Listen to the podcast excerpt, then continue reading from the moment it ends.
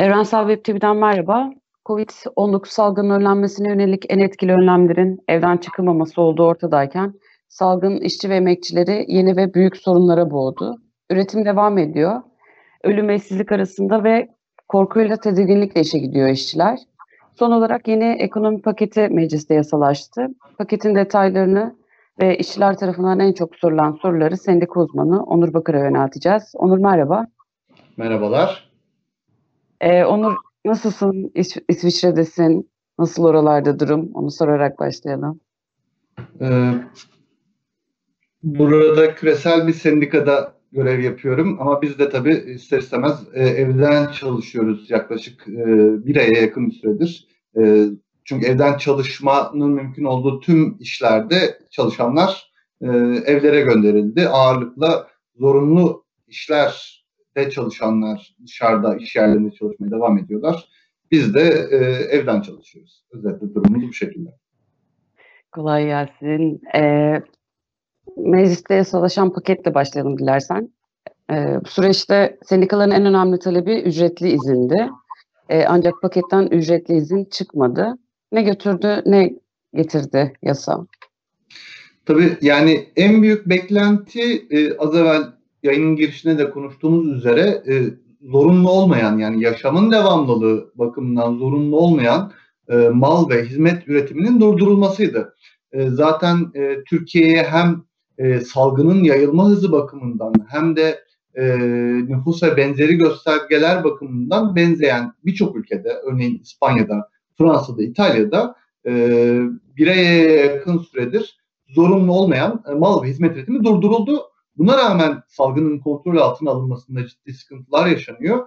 Ama Türkiye'de e, çok sınırlı iş yerleri ve sektörlere ilişkin bir sınırlama getirildi.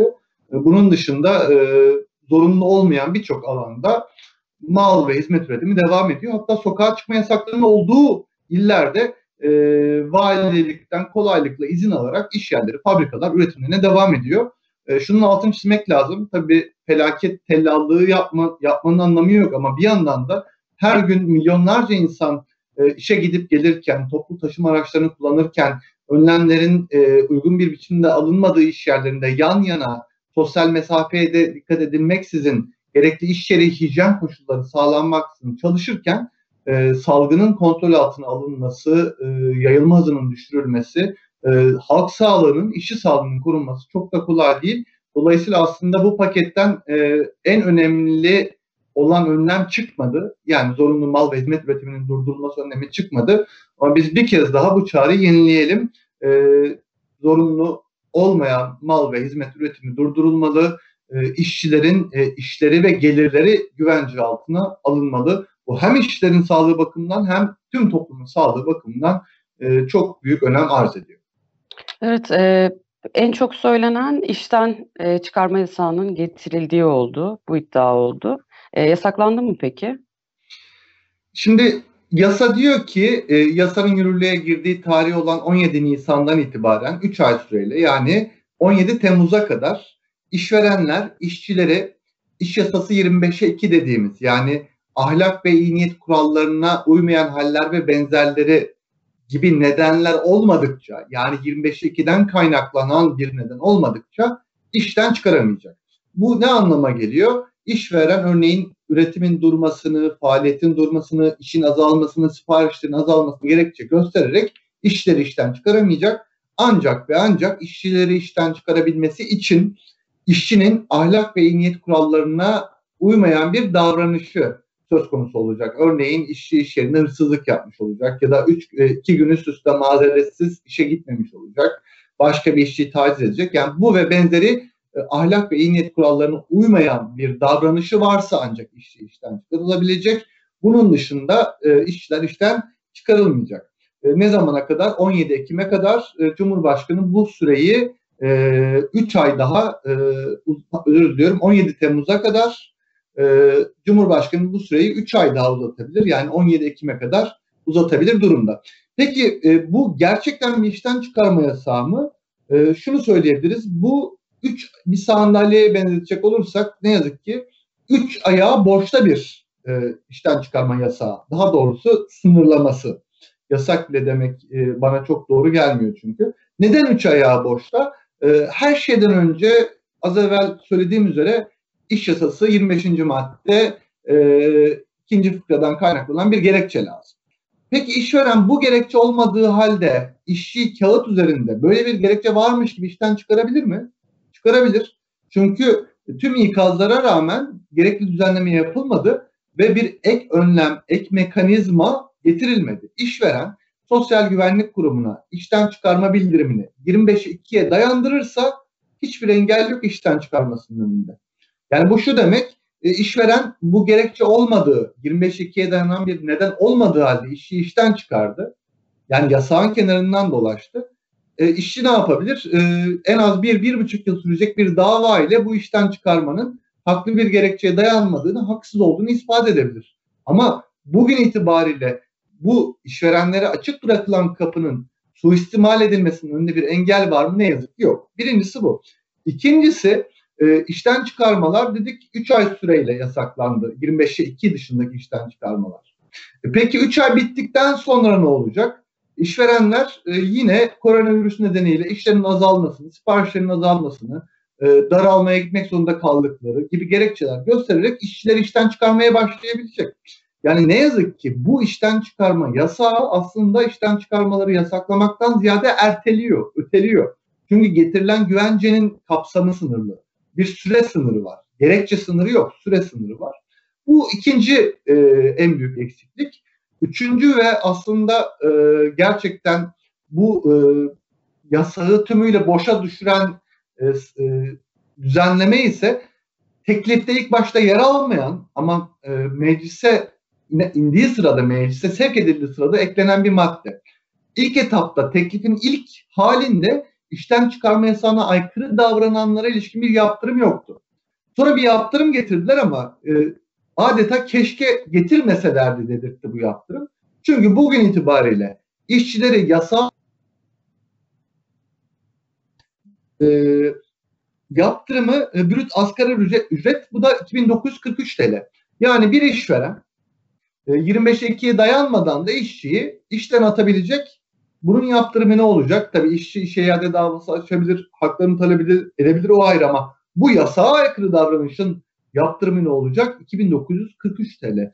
Yani e, böyle bir yaptırım, böyle bir e, komik yaptırımın e, bu, bu yasağı güçlendirmek bir yana e, altını boşalttığını söyleyebiliriz. Dolayısıyla özü itibariyle e, bir yasak var. Evet e, kısmen de olsa olumlu demek istiyorum ama bu yasağın ne yazık ki altı büyük ölçüde boş. Evet e, bir yanıyla da ücretsiz izin e, kısmı var. Ücretsiz izine çıkarma hakkı verildi.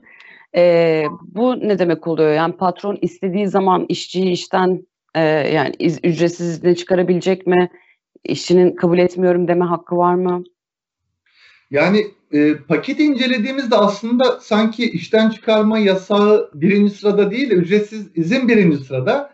İşten çıkarma yasağı da yani aslında bu paket işverenlere işçilerin onayını almadan e, patronlara işçilerin onayı gerekmeksizin işten e, işçilere ücretsiz izne çıkarma yetkisini tanımak üzere kurgulanmış bir paket gibi gözüküyor. Çünkü normalde olağan koşullarda işçilerin ücretsiz izne çıkarılabilmesi için İş yasasının 22. maddesi gereği işinin yazılı onayının alınması gerekir.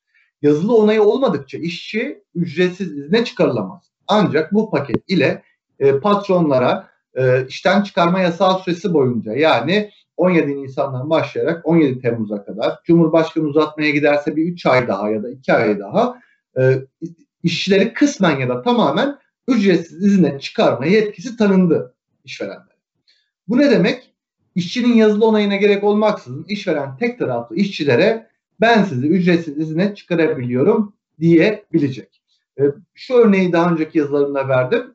E, her ne kadar geçici bir süre ile de olsa bir Truva atım misali ücretsiz izin, zorunlu ücretsiz izin iş yasasına e, girmiş oldu. E, yine e, teklifin ilk halinde yoktu ama e, son dakika düzenlemesiyle ilave ettiler. Olağan koşullarda tek taraflı ücretsiz izne çıkarılan işçi e, bu yasaya aykırı ücretsizin nedeniyle haklı fesih yaparak yani iş yasasının 25. madde 24. maddesinden kaynaklanan haklı fesih hakkını kullanarak kıdem tazminatı ve diğer yasal haklarını da alarak işsiz, işsizlik ödeneğini de hak ederek işten ayrılabiliyordu. Ama teklife bir e, düzenleme ilave edildi ve denildi ki e, işverenler işçileri tek taraflı kısmen ya da tamamen ücretsiz izne çıkarabilir ama ücretsiz izne çıkarılan işçi haklı fesih yapamaz. Yani zorunlu ücretsizin nedeniyle yasal haklarını talep ederek işten ayrılamaz denilmiş oldu. Yani bir işçi e, patronlara bu hak tanınırken işçilerin de iş yasasından kaynaklanan hakkı sınırlanmış, kısıtlanmış oldu. Önümüzdeki 3 ay boyunca e, işverenler istedikleri işleri kısmen ya da tamamen ücretsiz izne çıkarabilecekler. İşinde ne yazık ki buna itiraz etme şansı, hakkı yok. E, peki bunun karşılığı, karşılığında e, ücretsiz izne çıkarılan işçilere bir ücret desteği verilecek. Buna dair biraz bilgi verebilirsen ve e, bu desteğin yeterli olup olmadığını değerlendirirsen. Elbette. Şimdi e, tabii kısa çalışma ödenini de konuşacağız ama şunun altını çizelim. E, pakette yer alan nakdi ücret desteği temel olarak iki gruba verilecek. Nedir bu iki grup? Birincisi 15 Mart 2020 tarihinden sonra işten çıkarılan ve işsizlik sigortasına işsizlik sigortasından yararlanma koşullarını sağlayamadığı için işsizlik ödeneği alamayan işçiler. Diyelim ki 17 Mart'ta bir işçi işten çıkarıldı. Ama bu işçi son 3 yılda 600 gün primi olmadığı için, örneğin 500 gün primi olduğu için işsizlik ödeneği alamadı. Ne olacak? Bu işçiler işten çıkarma yasağının uygulandığı 3 ay boyunca 3 aylık süre e, ile işsizlik e, ödeneği alamayacak ama nakdi ücret desteği alabilecek. Birinci grup bu. Yani 15 Mart 2020 tarihinden sonra işten çıkarılan ancak yasal koşullarını yerine getiremediği için işsizlik ödeneği alamayan işçiler.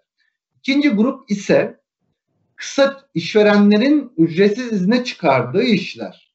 Ama kısa çalışma ödeneğinden yararlanamayan işler. Yani işçi ücretsiz izne çıkarılmış olacak. Bir ama işçi kısa çalışma ödeneğinden yararlanamıyor, yararlanamıyor olacak. iki. Bu durumdaysa işçi bu işçilere de nakdi ücret desteği verilecek. Peki nedir bu nakdi ücret desteğinin e, tutarı diyecek olursak e, bu tutar e, ne yazık ki e, asgari ücretten bağlanan işsizlik ödeneği tutarında yani 1177 TL aylık tutarı, günlük tutarı 39,24 TL. İlginç de not düşelim.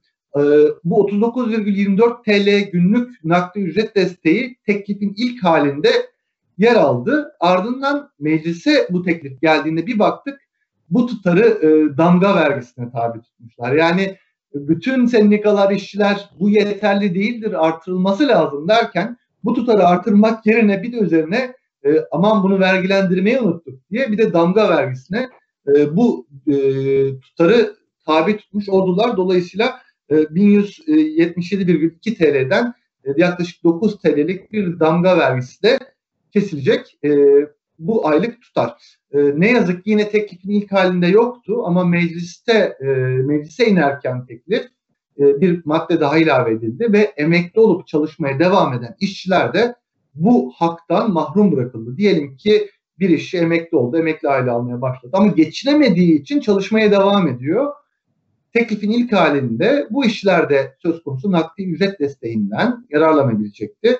Ama yine bir sihirli dokunuş gerçekleştirildi ve emekli olup çalışmaya devam eden işçiler e, bu haktan mahrum bırakıldı. Bu işçiler ücretsizine çıkarılsa bile nakdi ücret desteği alamayacak. Toparlayacak olursak 15 Mart 2020 tarihinden sonra işten çıkarılan ve işsizlik ödeneği alamayan işçiler ile ücretsizine çıkarılan ancak kısa çalışma ödeneğinden yararlanamayan işçilere aylık 1177 TL tutarında e, damga vergisini düştükten sonra 9 TL'lik damga vergisini düştükten sonra nakdi ücret desteği ödenecek 3 aylık süreyle. Cumhurbaşkanı bu süreyi 6 aya çıkarırsa ödenecek süre nakdi ücret desteğinin ödeneceği, ödeneceği sürede 6 ay olacak.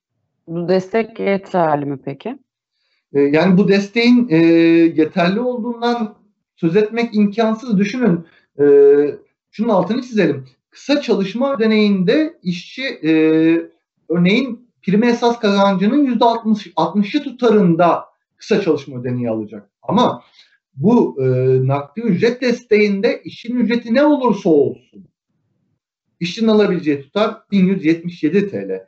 Hanede diyelim ki anne baba çalış, diyelim ki sadece e, eşlerden biri çalışıyor, iki de çocuk var.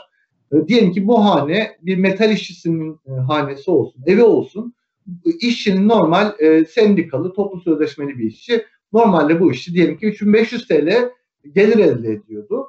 E, şimdi bu işçinin geliri ne olursa olsun alabileceği tutar 1177 TL.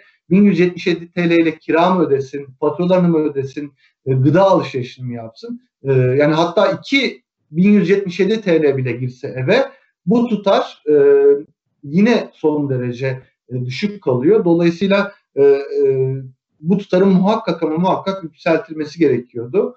E, ne yazık ki böyle bir düzenleme yapılmadı ve işçiler e, kısa çalışma deneyinden yararlanamayan işçiler e, bir biçimde e, bu sefalet ücretine e, terk edilmiş oldu. Peki kısa çalışma ödeneğini açarsak hem nedir hem ne zaman ve ne, nasıl ödenecek onun tutarı ne olacak? Kısa çalışma da en birinci e, prensip şu. Bazı işçi arkadaşlarımız e, işsizlik ödeneği gibi işçinin başvurusuyla alınabilecek bir hak gibi düşünüyorlar kısa çalışma ödeneğini. Böyle değil. Kısa çalışma ödeneği alınabilmesi için öncelikle işverenin kısa çalışma başvurusu yapmış olması gerekiyor. Yani bu haktan yararlanabilmenin ön koşulu işveren tarafından e, iş yerinde faaliyetin e, durması, kısmen ya da tamamen durması ya da çalışma sürelerinin e, en az üçte bir oranında azaltılması nedeniyle işveren tarafından yapılmış bir iş kura yapılmış bir başvuru olacak. Normal koşullarda çok sayıda başvuru yapıldı ve bu başvurular için her biri için uygunluk tespiti yapılması gerekiyordu. Bu e, paketten çıkan belki de tek olumlu düzenleme şu oldu.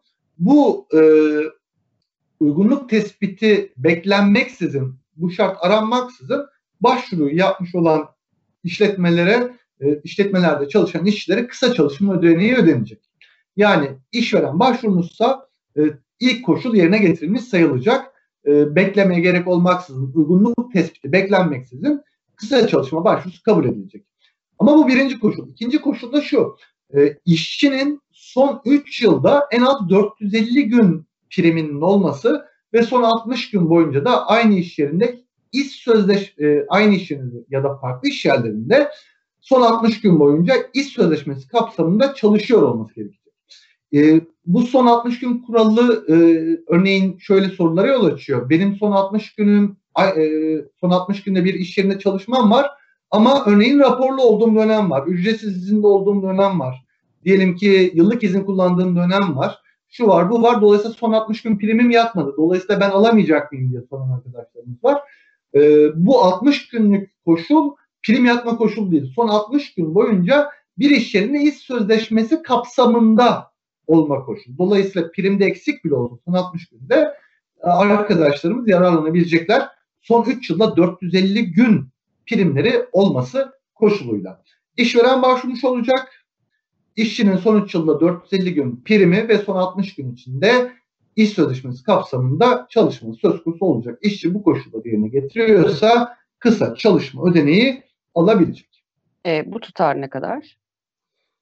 Kısa çalışma ödeneğinin hesap yöntemi şu şekilde. E, son işçinin son bir yıllık primi esas kazancına bakılıyor. Yani sigorta priminin üzerinden yatırıldığı tutara bakılıyor. E, işçi arkadaşlarımız da E-Devlet'ten hizmet dökümlerini indirerek bu tutarları görebilirler. E, son bir yıllık prime esas kazançların yani örneğin Mart ayında başvurdu işveren.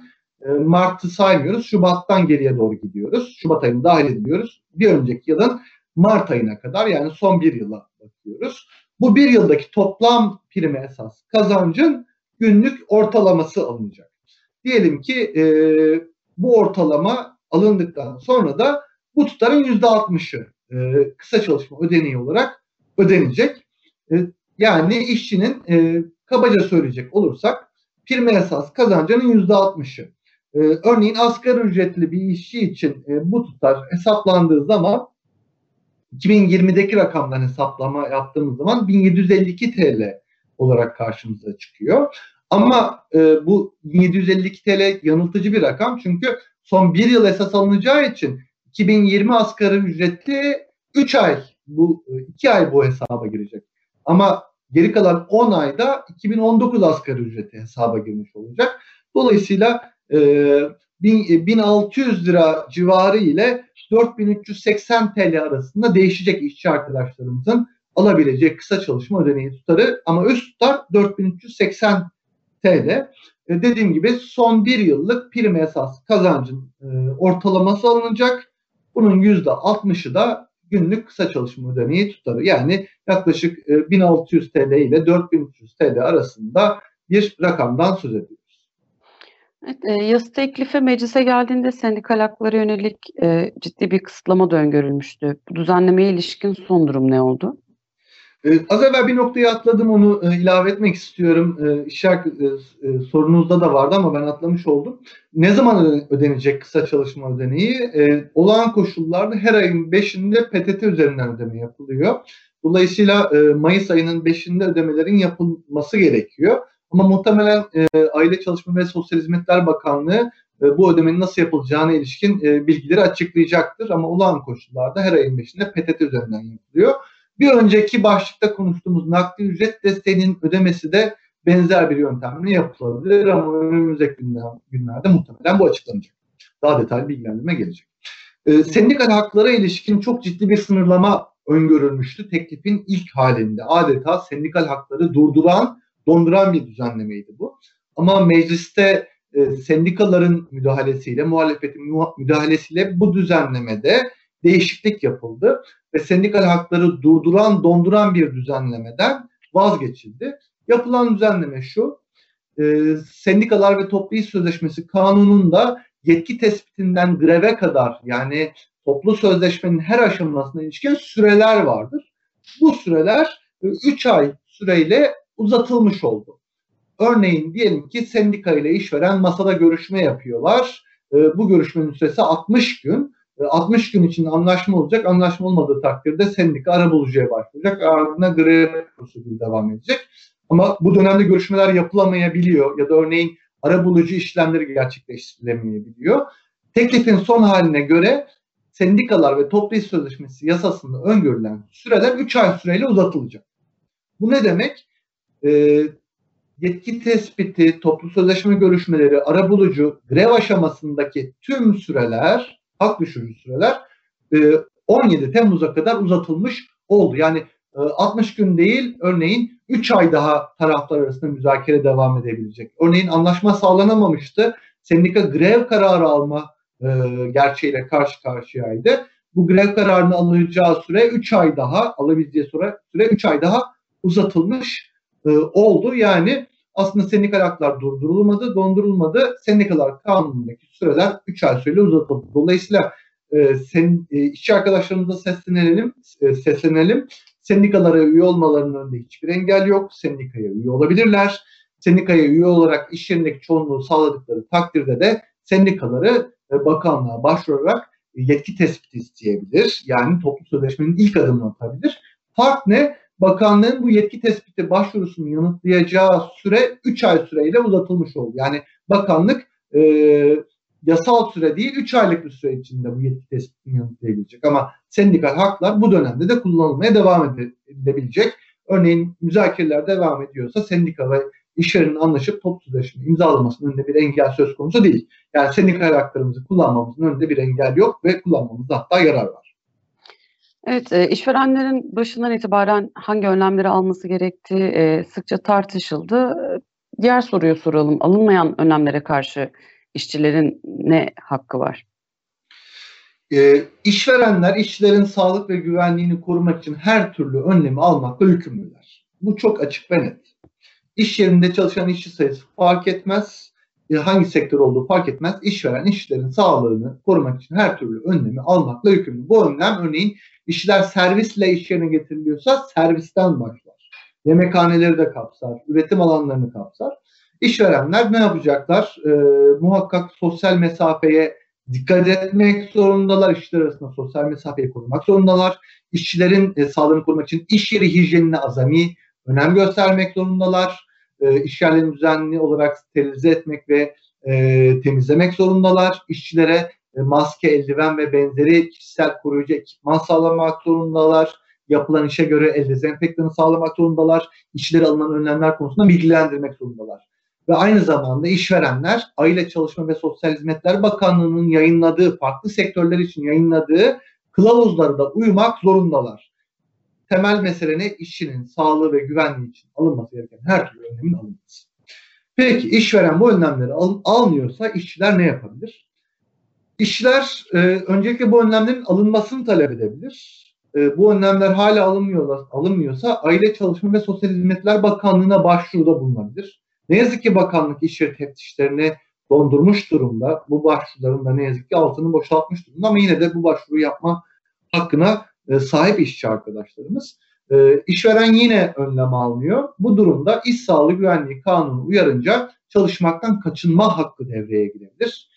Bu da nedir? İş yerinde iş sağlığı ve güvenliği kurulu varsa işçiler iş sağlığı güvenliği kuruluna gidip önlemlerin alınmasını isteyebilir. E, bu kurul yoksa işverene başvurabilir. İşveren bu durumda acilen bir inceleme yapmak durumunda. İşçilere dönüp derse ki evet e, gerekli önlemler e, e, alınmış durumda değil.